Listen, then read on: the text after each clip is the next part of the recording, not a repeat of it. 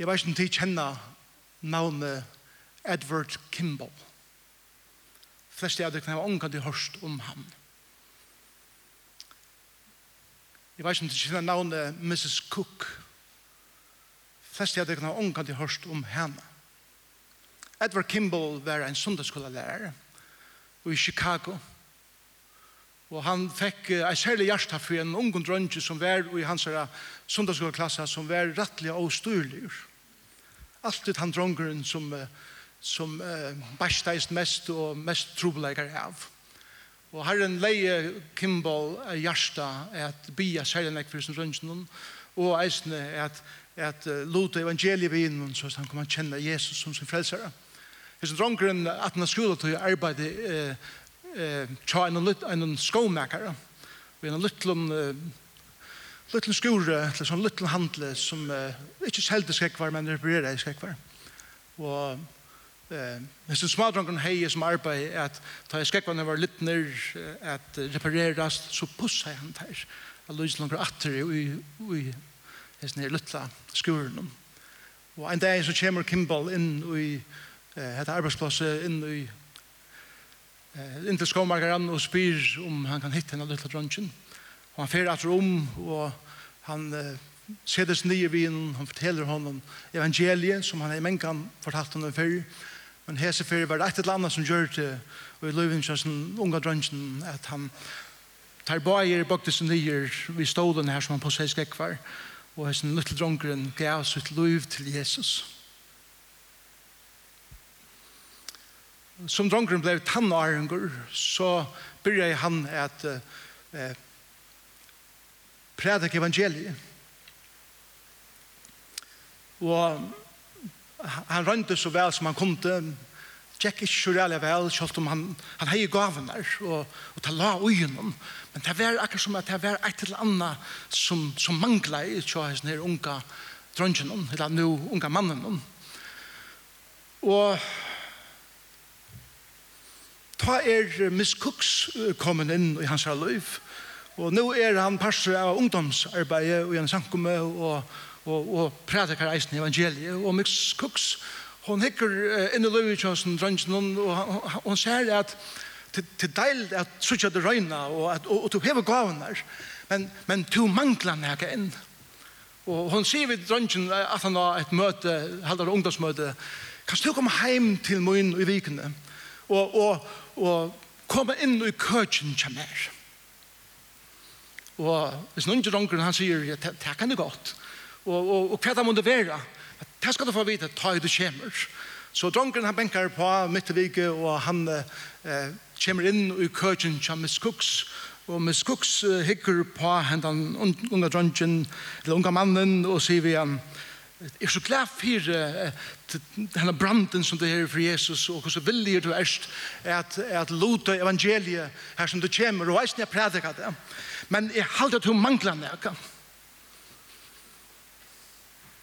Og, og hans noen unge, unge dronken, dronjen, han hekker på henne og sier, hva mangler jeg? Hun sier, jeg, jeg halte at hun, hun mangler kraft andans uten liv.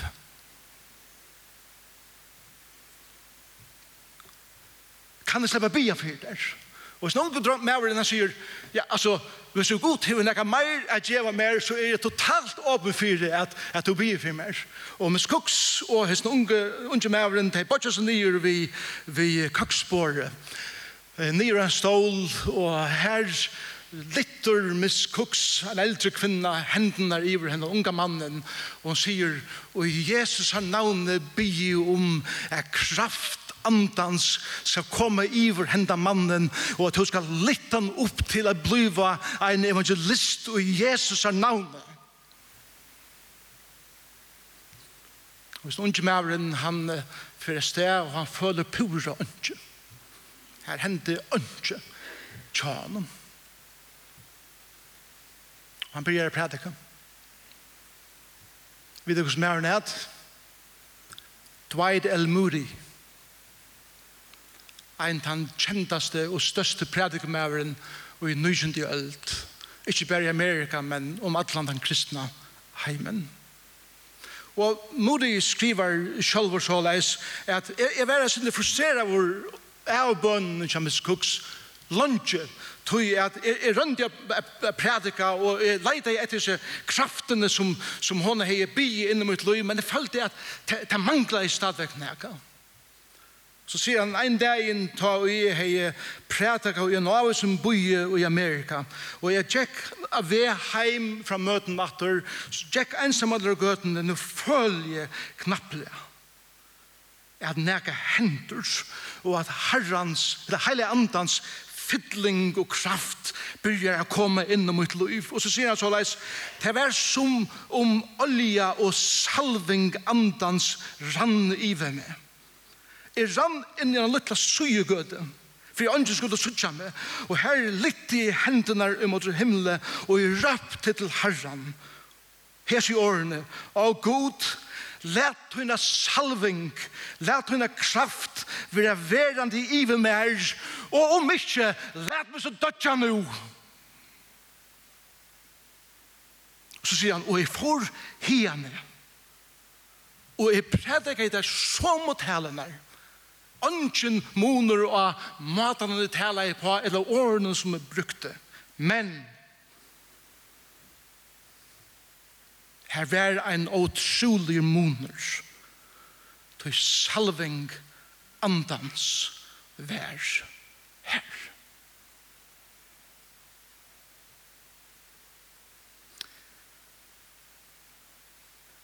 Vi er kattleie til en ivenaturlig dimensjon i okkara liv. Det andalega livet og det kristna livet eier ikkje at vera dett og tungt og avvarsar lest. Vi kunne ikke gjøre utan hele andan i okkara liv. Vi kunne ikke gjøre utan kraft andans i okkar liv. De gjør det med lysendre av god frøye, bare så vi kan få noen steinar på plass. Ta ut og gjeve ditt liv til Jesus, og du blir frelster, så får en endurføying fram ut ditt liv. Du blir baden gods, og i tøy som løtene som det hender, teker hele anden bostad i ditt liv. Han teker bostad i ditt liv. Det, er den støvan, posisjonella støvan som du er så i, at du har baden gods, til at hele anden har nå innsiklet det, og det som det er færre Men, jeg kommer til Jesus, Det er tvei ting som hender alltid da vi kommer til Jesus. Det er at vi kommer til Jesus, vi trygg, vi lyder av det verste som han har gjort, men det er etter trett. Og det er at vi venter vi. Det er trygg og omvending alltid som standa saman i skriften om tar vi til evangeliet. Så at bliva en tryggvann betyr at, at jeg finner fyrirgjeving syndana og gode kommende inn mot liv, men omvendingen betyr at nu skal jeg og, og i andans kraft liva såleis at jeg vende vi fra ötlom som annars ræne mot andare liv og kraft og styrke hans her i min liv. Det for å kunne leve til livet, og til kraftene som modig enn i seg finner er fyllingandans og kraftandans i okkara liv. Så posisjonelt er vi i andan eh, trygg og sikkert til at han har teker bostå i okkon, men fyllingandans og kraftandans er avhengig av hvordan vi lever okkara liv som tryggvand. Musik kondisjonen i okra løyve. Og myndeleikjen som vi har som, som tryggvande, Lika mykje understand han talar så litt litt, men bare at du kommer inn i et rom, eller den, den kraften som strålar fra her, er totalt avhengig av hvordan nek filter du erst av andre gods, hvordan intimer du erst vi andre gods, hvordan jeg plass hele anden fær og rom til å gjøre honom og i tøynen liv. God brukar ikke med vi nækrare slagkraft utan hele anden. Det er okra livskjelda. Og allikevel er anden han er tru endene som vi minst taler om hvordan gjør vi okra søsklom. Francis Chan skriver en bok som heter The Forgotten God. Hvor han tar seg om hvordan vesterlenske kristendommer har totalt ignorera tuttningen av hele andan. og han sier løyve i okkara løyve vi tror for eie er kunne heva en slagkraft i okkara samfunnet som sikkvant. Flere spyrja med mennkan, vi spyrja eisne spurningen, hvor sutja vi ikke meire even naturlige ting henda i okkara luivun og okkara samkommun. Hvor vera flere folk ikke grødd? Hvor vera folk ikke radikalt omvendt? Hvor er det ikke naturlig for okken? Jeg synes ikke, ta vi det her forbund, eller hva er det så er, et eller to gonger nye sms, og onker sier, vet du, kan så lykke be for meg, og du legger hendene av personen, og han blir grøtter av stenen. Hvor er jeg vi det ikke til? Hvor suttje vi det ikke ivnaturlig ting henta, som apostelsøen er full av fra byrjan til enda, av folk som fylltest vi Jesus og var full av andans kraft. Det var en naturlig parster av dette løyve. Og vi tykker at her som å lese det som om at det var nekka som hendte ta i god var unger og gåen le. Men nu er snakk argentjen at han orskar ikke å være meir. Og han er akkurat han samme i det. A.W. Tozer sier det så leis greia læran i skriften om at verskuds vil best utint vi kraft og salving andans er sera torfer fyrir menneskje å godtaka tog at hei er en sannleikje som frustrerar okkun Det frustrerar okkar holdsliga langsel etter at få ekne ære fyrir det som er gjerrig er få egnan heier og viring fra øren. Og han sier vågjere at god fer ångan du er bruka til til neka som helst og i sin rujtje som hever han avverskan hvis du gjerst her vi tog fri eia er få ærna og heieren sjolver eller sjolv fyrir det. Ångan du. God gjer bæra sutt versk og i jøkken til mennesker som er fyllt ved hans and og hans kraft Vi tog fri eia at det som verur ut into jøkken tar loiv bæra kan pekas til hele andan og djeva honom ærna fyrir det som er i meg sjølvom alls ikkje kan gjøre.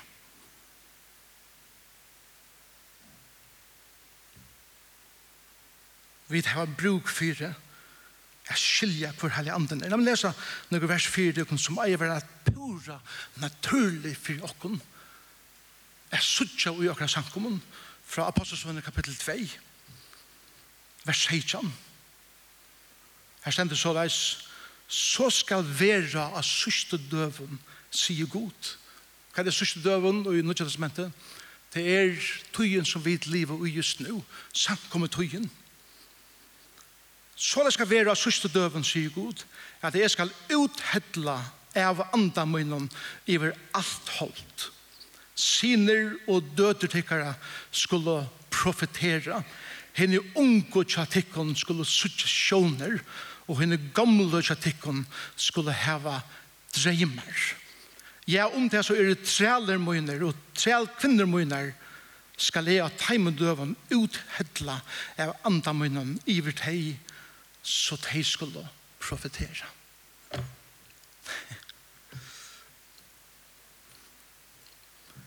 God hever tæve sjåna fyrir tæra mer. Ein og kvarjon, eisen tekan ungo som sier her. Det er så deilig så sier det kom. Fantastisk. Eisen bøtten som er i sundagsskolen, det er som kjenner Jesus. At det er en naturlig pastor for okken, er profetera. Hva er det til å profetera? Det er at år gods komme ut og gjøre min munn og tale inn og i omstøver her som er er. Det skal være naturligt for meg, alle sånne som er kommer, Lyga så naturligt som man snakker om vekkere, at jeg flyter ut kjøkken min munn, at tåse om Jesus. Eldre, fra de eldste til den yngste. Fra de som har mest makt til den som har minst makt, gjøres, seg. God gjever ødlun lyka. Og det er naturligt for åkken at vittne. Det er naturligt for åkken at suttja sjåner. Visjoner om hva God kan gjøre i hans landen og i livet og i heimen som vi livet sammen med. Det er vel naturligt for oss som trykker det er drøyma dreymar. Så jeg sier vakne i morgenen så kan jeg si Gud har givet meg en dreym. Han åpenberer en nega fire mer, og jeg lo det. Og tar vi høyre og ta som jeg sier, flere av dere nok så sier noen nå at, altså nå er jeg kan altså bli en pens. Jeg er en gammal goer brover, som, som hitje er skriften og jeg sier, hette det her som Bibelen lærer, lyga mykje kaffer for etikett vi sitter av. Bibelen er full av hessen, Men grunden fyrir at vi ikke sutja det som en naturlig part av okkara gerande steg er tog at vi gløyma at sjålt vi er døpt i alle andan og er frelst så mangla vi kraftandans i okkara liv. Og han kommer bare i jøkken om at bliva bevustur om det i min liv og søker hans her intimitet. Til Jesus sier og jeg sier til siste tale at det er færre men jeg sender en lyka som er tiltikkere som skal være vittikon og skal være uitikon og det intima livet vi har hele andan om er det som vi er totalt avhengig av og gjøre livet om vi skulle ha en slagkraft som sykvande folk Det har vært tiltak nere av vaklene nesten sånn det. Det her kan ikke hava nekka slagkraft hvis Heilig andan ikke er her, og de som kom om han her, er djørv nok vi kraft Heilig andan som sier, jeg vil standa fram om liv.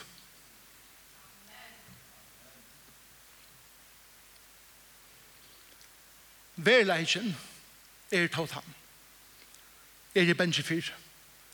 Er der standa nokre fat handur De fleste av oss er så mye bensjen for det er så arbeid sammen vi.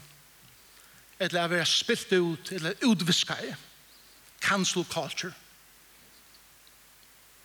Jeg vet vel heldig bare halde oss hjemme. Og så spyr jeg vidt, hvor er det ikke antan gjerne noe? Tror jeg vidt, er så komfortabel at han er ångkande bruk for det? Eller vi har ångkande bruk for det? Han ser kraft. A.W. Tozer sier det samme, han er sanner, at om Jesus tok hele andan borster ur hjørnet bare nå, så er samkomman og kristen i Vesterheimen livet akkurat som de gjør det i åren. Vi sønner møten og sønner programmen og sønner visjonen og sønner strategien. Tog jeg mest til av som vi gjør det, har vi slett ikke bruk for det heilig andans kraft. Tog jeg at det er ikke veldig dirve som krevs til av okken og i tog som vi gjør. Det kostar okken ikke nega verilet. Grunden for er vi sitter hele andan så aktivan i apostelsøvende er tog at de riskerer av livet. De riskerer av familjene.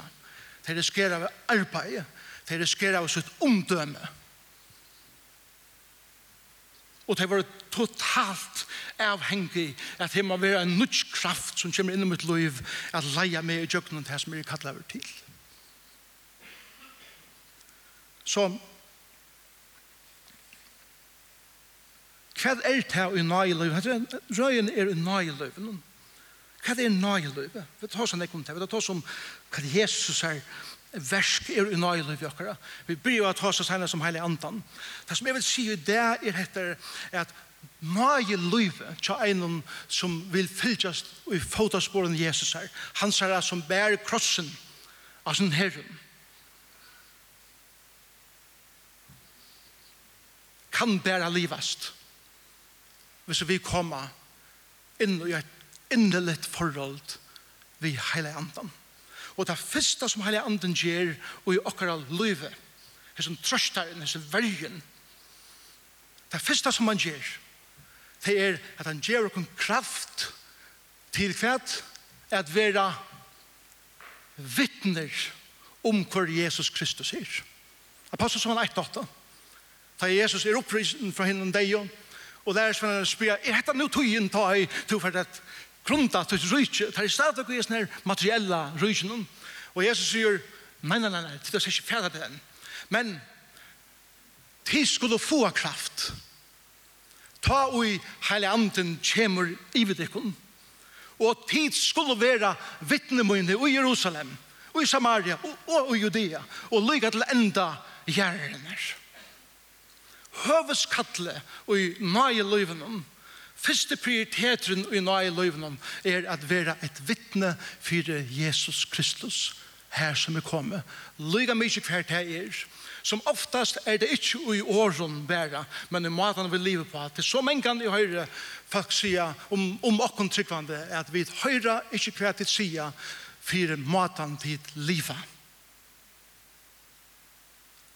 Til at det er ønsken moner av åkken og dem som ikke hører Jesus til og det eier ikke at være sånn. Vi er kallet til noe større. Vi er kallet til noe mer. Vi er kallet til noe som er ut om okkara fysiske og salalige og andalige styrke og jobben sjølven totalt avhengig av tre personer, tre andre som har tidsi, bosta i okkon vi tog fri eia, at gjev okkon til kraften som skal til, at vi her som vi kommer her vi denne avvarskan, som er en positiv og omvendande avvarskan for Jesus Kristus. Og året kraft av griskon er året dynamis, som året dynamitt kommer fra. Og vi, vi som, hatt man jo omår, at jeg sier, vi som arbeider ved dynamitt, men det, jeg arbeider ikke ved tysleie av dynamitt. Jeg arbeider ved en øren dynamitt, som vi gjør bare nå. Men de som arbeider ved dynamitt, og de borra nir i hettelna, og, og, og stoa dynamitten nir i her, Hva hender? Ta ut de trusta av knøtten, så fer kletteren i sår innan ifra. Ja til at du først inn i kjettnene og bryter han innanifra og ut. Til såleis mennesker være ombrøyt. God borer inn i kjettnene av åkken, inn i det innaste, inn i som er byrja i det første talen så røyner vi, inn i kolitts som er det kjipsta. Kjipsta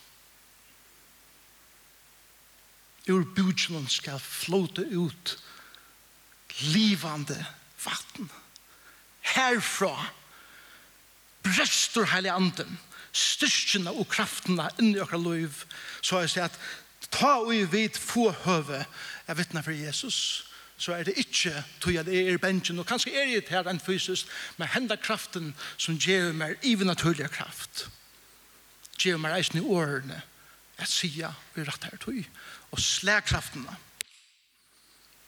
til å gjøre mon her som er kommet. Samkommende den første i Jerusalem, de så fram til den dagen til Anden skulle komme. Vi, vi, vi leser om at Johannes døypare lovar at hele anden skulle komme og Johannes tog. Jesus sier eisen at talsmauren fer å komme Jesus sier i kapittel 1 i Apostelsunde, om ikke nekka de er, så fer heile anden er koma i vidikon. Og i Apostelsunde 2 kommer han. Og hva hendte? De finko ivnaturlige kraft at hele öll tungomalen som var i Jerusalem samlet til høgtøyna ta. Hva betyr det her? Bortsett fra at ivnaturlige er god gjevet det bare såleis et nytt mal at hosa, og forresten, det er rettelig vanlig at det hender kring heimen og i det. At onker som er bruk for det, om det er en trobare, eller onker som arbeider i landet, hva det slett ikke du har malet, og det kommer inn i en situasjon hva det er totalt lastfast, og er ønsken hjelper dem, at god gjør dem til at tungemalet flåtande, og det er kunne tåse til søva at den er søva, som, som vi høre om det. Så det er naturlige dimensjonen er pura normal her, som det koster å fylle Jesus og nærkene. Men hva annet lærer vi fra oss her? Det som jeg hadde vi lærer fra ødelsen i imus og tungemalene, og det er sånn at vi hører seg folkene tale av akkurat tungemalene.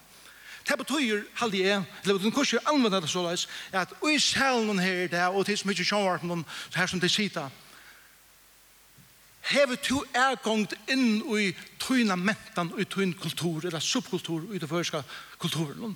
Tid som arbeider i ubyggving, tid som arbeider i, i, eh om bara skipon eller till som är då handverkare eller till som sitter och kontoren eller till som är lärare eller vad vad det som ska vara tid här var så imisk och supp mentan när i mentan och tí då att här mal som tyn mentan tåsar og hele anden djevet her styrke ui til mentene som tog befinner de ui, og en eller annen hatt ui til maten at nå er teg menneskene og teg slæg menneskene på, vi teimen åren som han gjevet her, ta to er kjarver nok, og tørst intime nok for hele andan, jeg sier, er tale ut her bænt. Det er det som hele andan er kallet åkne gjør. De jeg har sett til at hele andan skulle komme. Vi leser om at de levde og lyttende til Jesus Kristus vi gjør når han til levde i omvending. Ta i synd som i nøkker lov, venda vi vi fra synd. Ta vi fettla, reisa vi dere opp at og halda å i genga. Det er trygg og omvending til andale løyve. Det er den takten tar vi genga Trygg og omvending, trygg og omvending. Lyd jo at det som herren gjør, men vende vi tar ikke nekka sæft. Trygg og omvending. Alt løyve jo jøknum så er det at nødt kraft kan komme inn alle tøyene, og, og vi lever ut lyttene til Jesus, som vi leser om i Apostelsundet kapittel 1. Og eisene til helt og ser i einleika. De var imisk, men de hørte ein einleika som var det snur seg om ein person, og han er Jesus Kristus. Det standa vi saman om. De, de, de, de boa eisne saman. Og det var ikke moner av mannen og kvinnen i første samkommende. Og i første samkommende om. Menn og kvinner saman. Og ikke separasjon. Og jeg har ikke tog affære inn i hva hender så i, i, i, i jøkken apostasøna. Det, det, det er så utrolig nekv. Men hele anden utløste kraftene er kattla mennesker i rom fra deia til liv.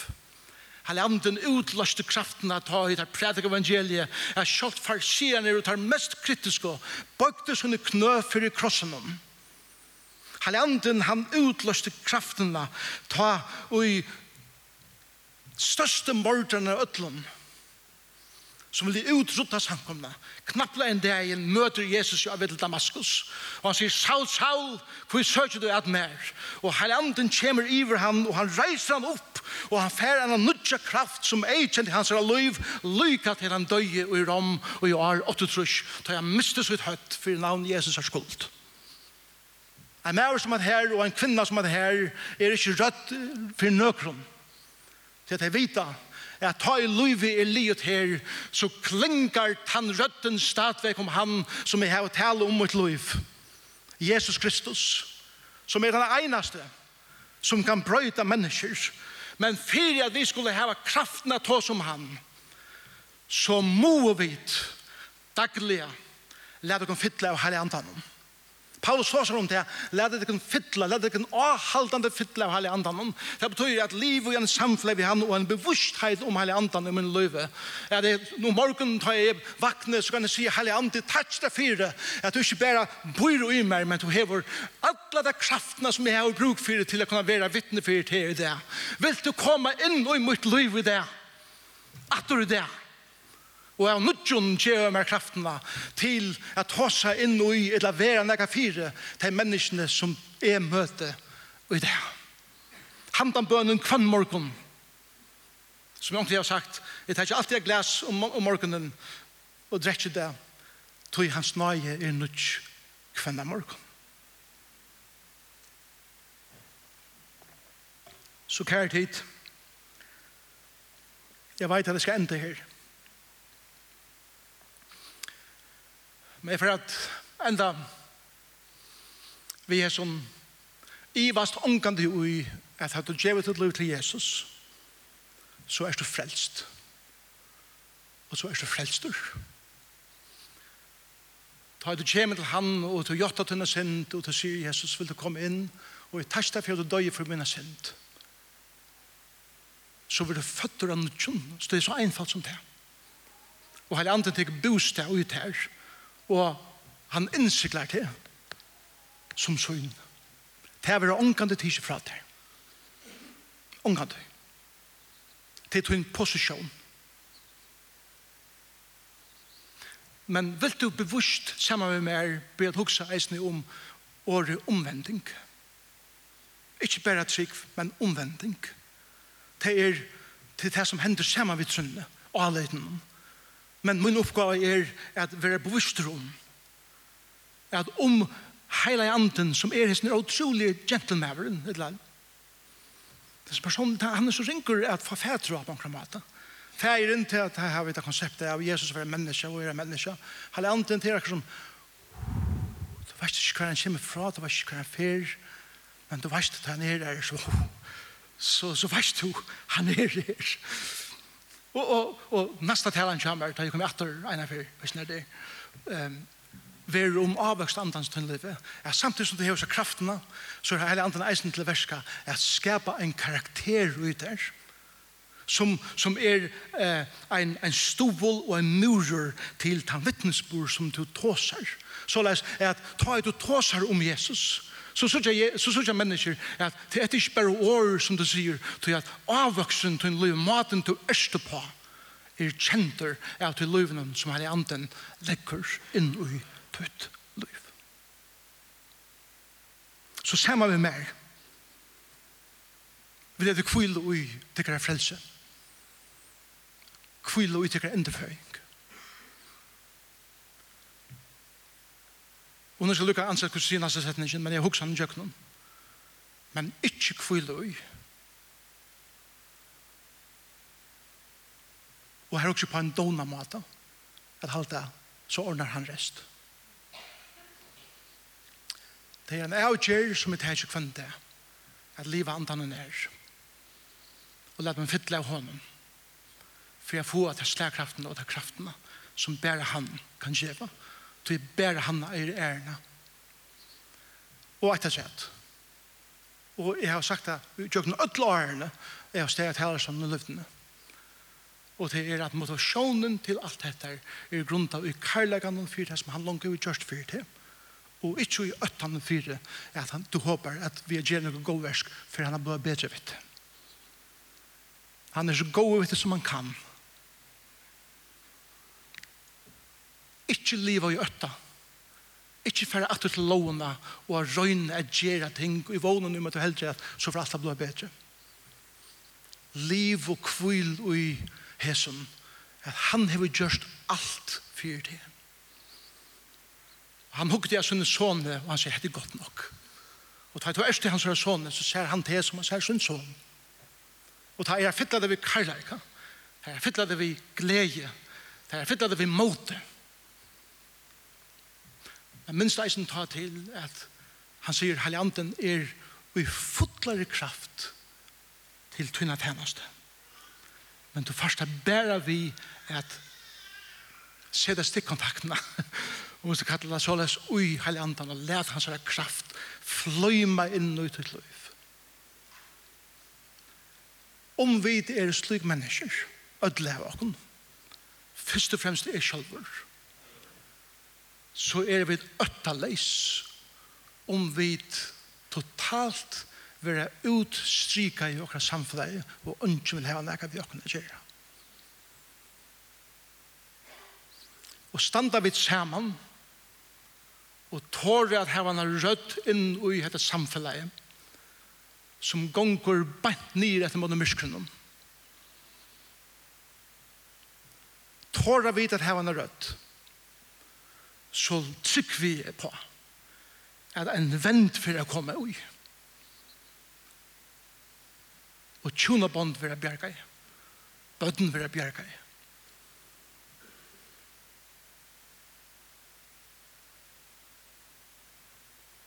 Men det har en sikk nok nødl. Og giv jokken det som han vil så fegin gjør jokken. Og og til meir av synen heilige anda som bor i okken og fettler okken og gjør okken kraft. Skal vi be sammen?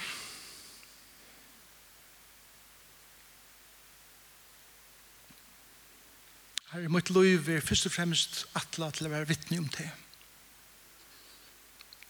Og bare at her tannoppgaven er omøvelig om man skal gjøre det egnar kraft. Så jeg tar tæstar fire herre at hver for du byr og okken gjøre nekka, så gjør du så gjør det veisne okken alt det her, som vi da bruk fire til dess, at gjøre det. Og da du sier, de skulle være vittne mine, så sier du eisen, og de skulle få kraft. Ta i hele anden, personeren, kjemmer. De unge tykkere skulle profitera. De eldre skulle suttja sjåner. Træler og trælkvinner skulle drøyma drøymer. Det er even naturlig å være en pastor av min gjerande steg. Jeg suttja folk frelst, jeg suttja folk grødd, jeg suttja familier endurrastar, jeg suttja tjun koma saman etter, jeg suttja bøtten være bjerga fra tjupare depresjon og djupare vreie være løst opp til en ivenaturlig kraft flyter inn i akkurat samfunnet.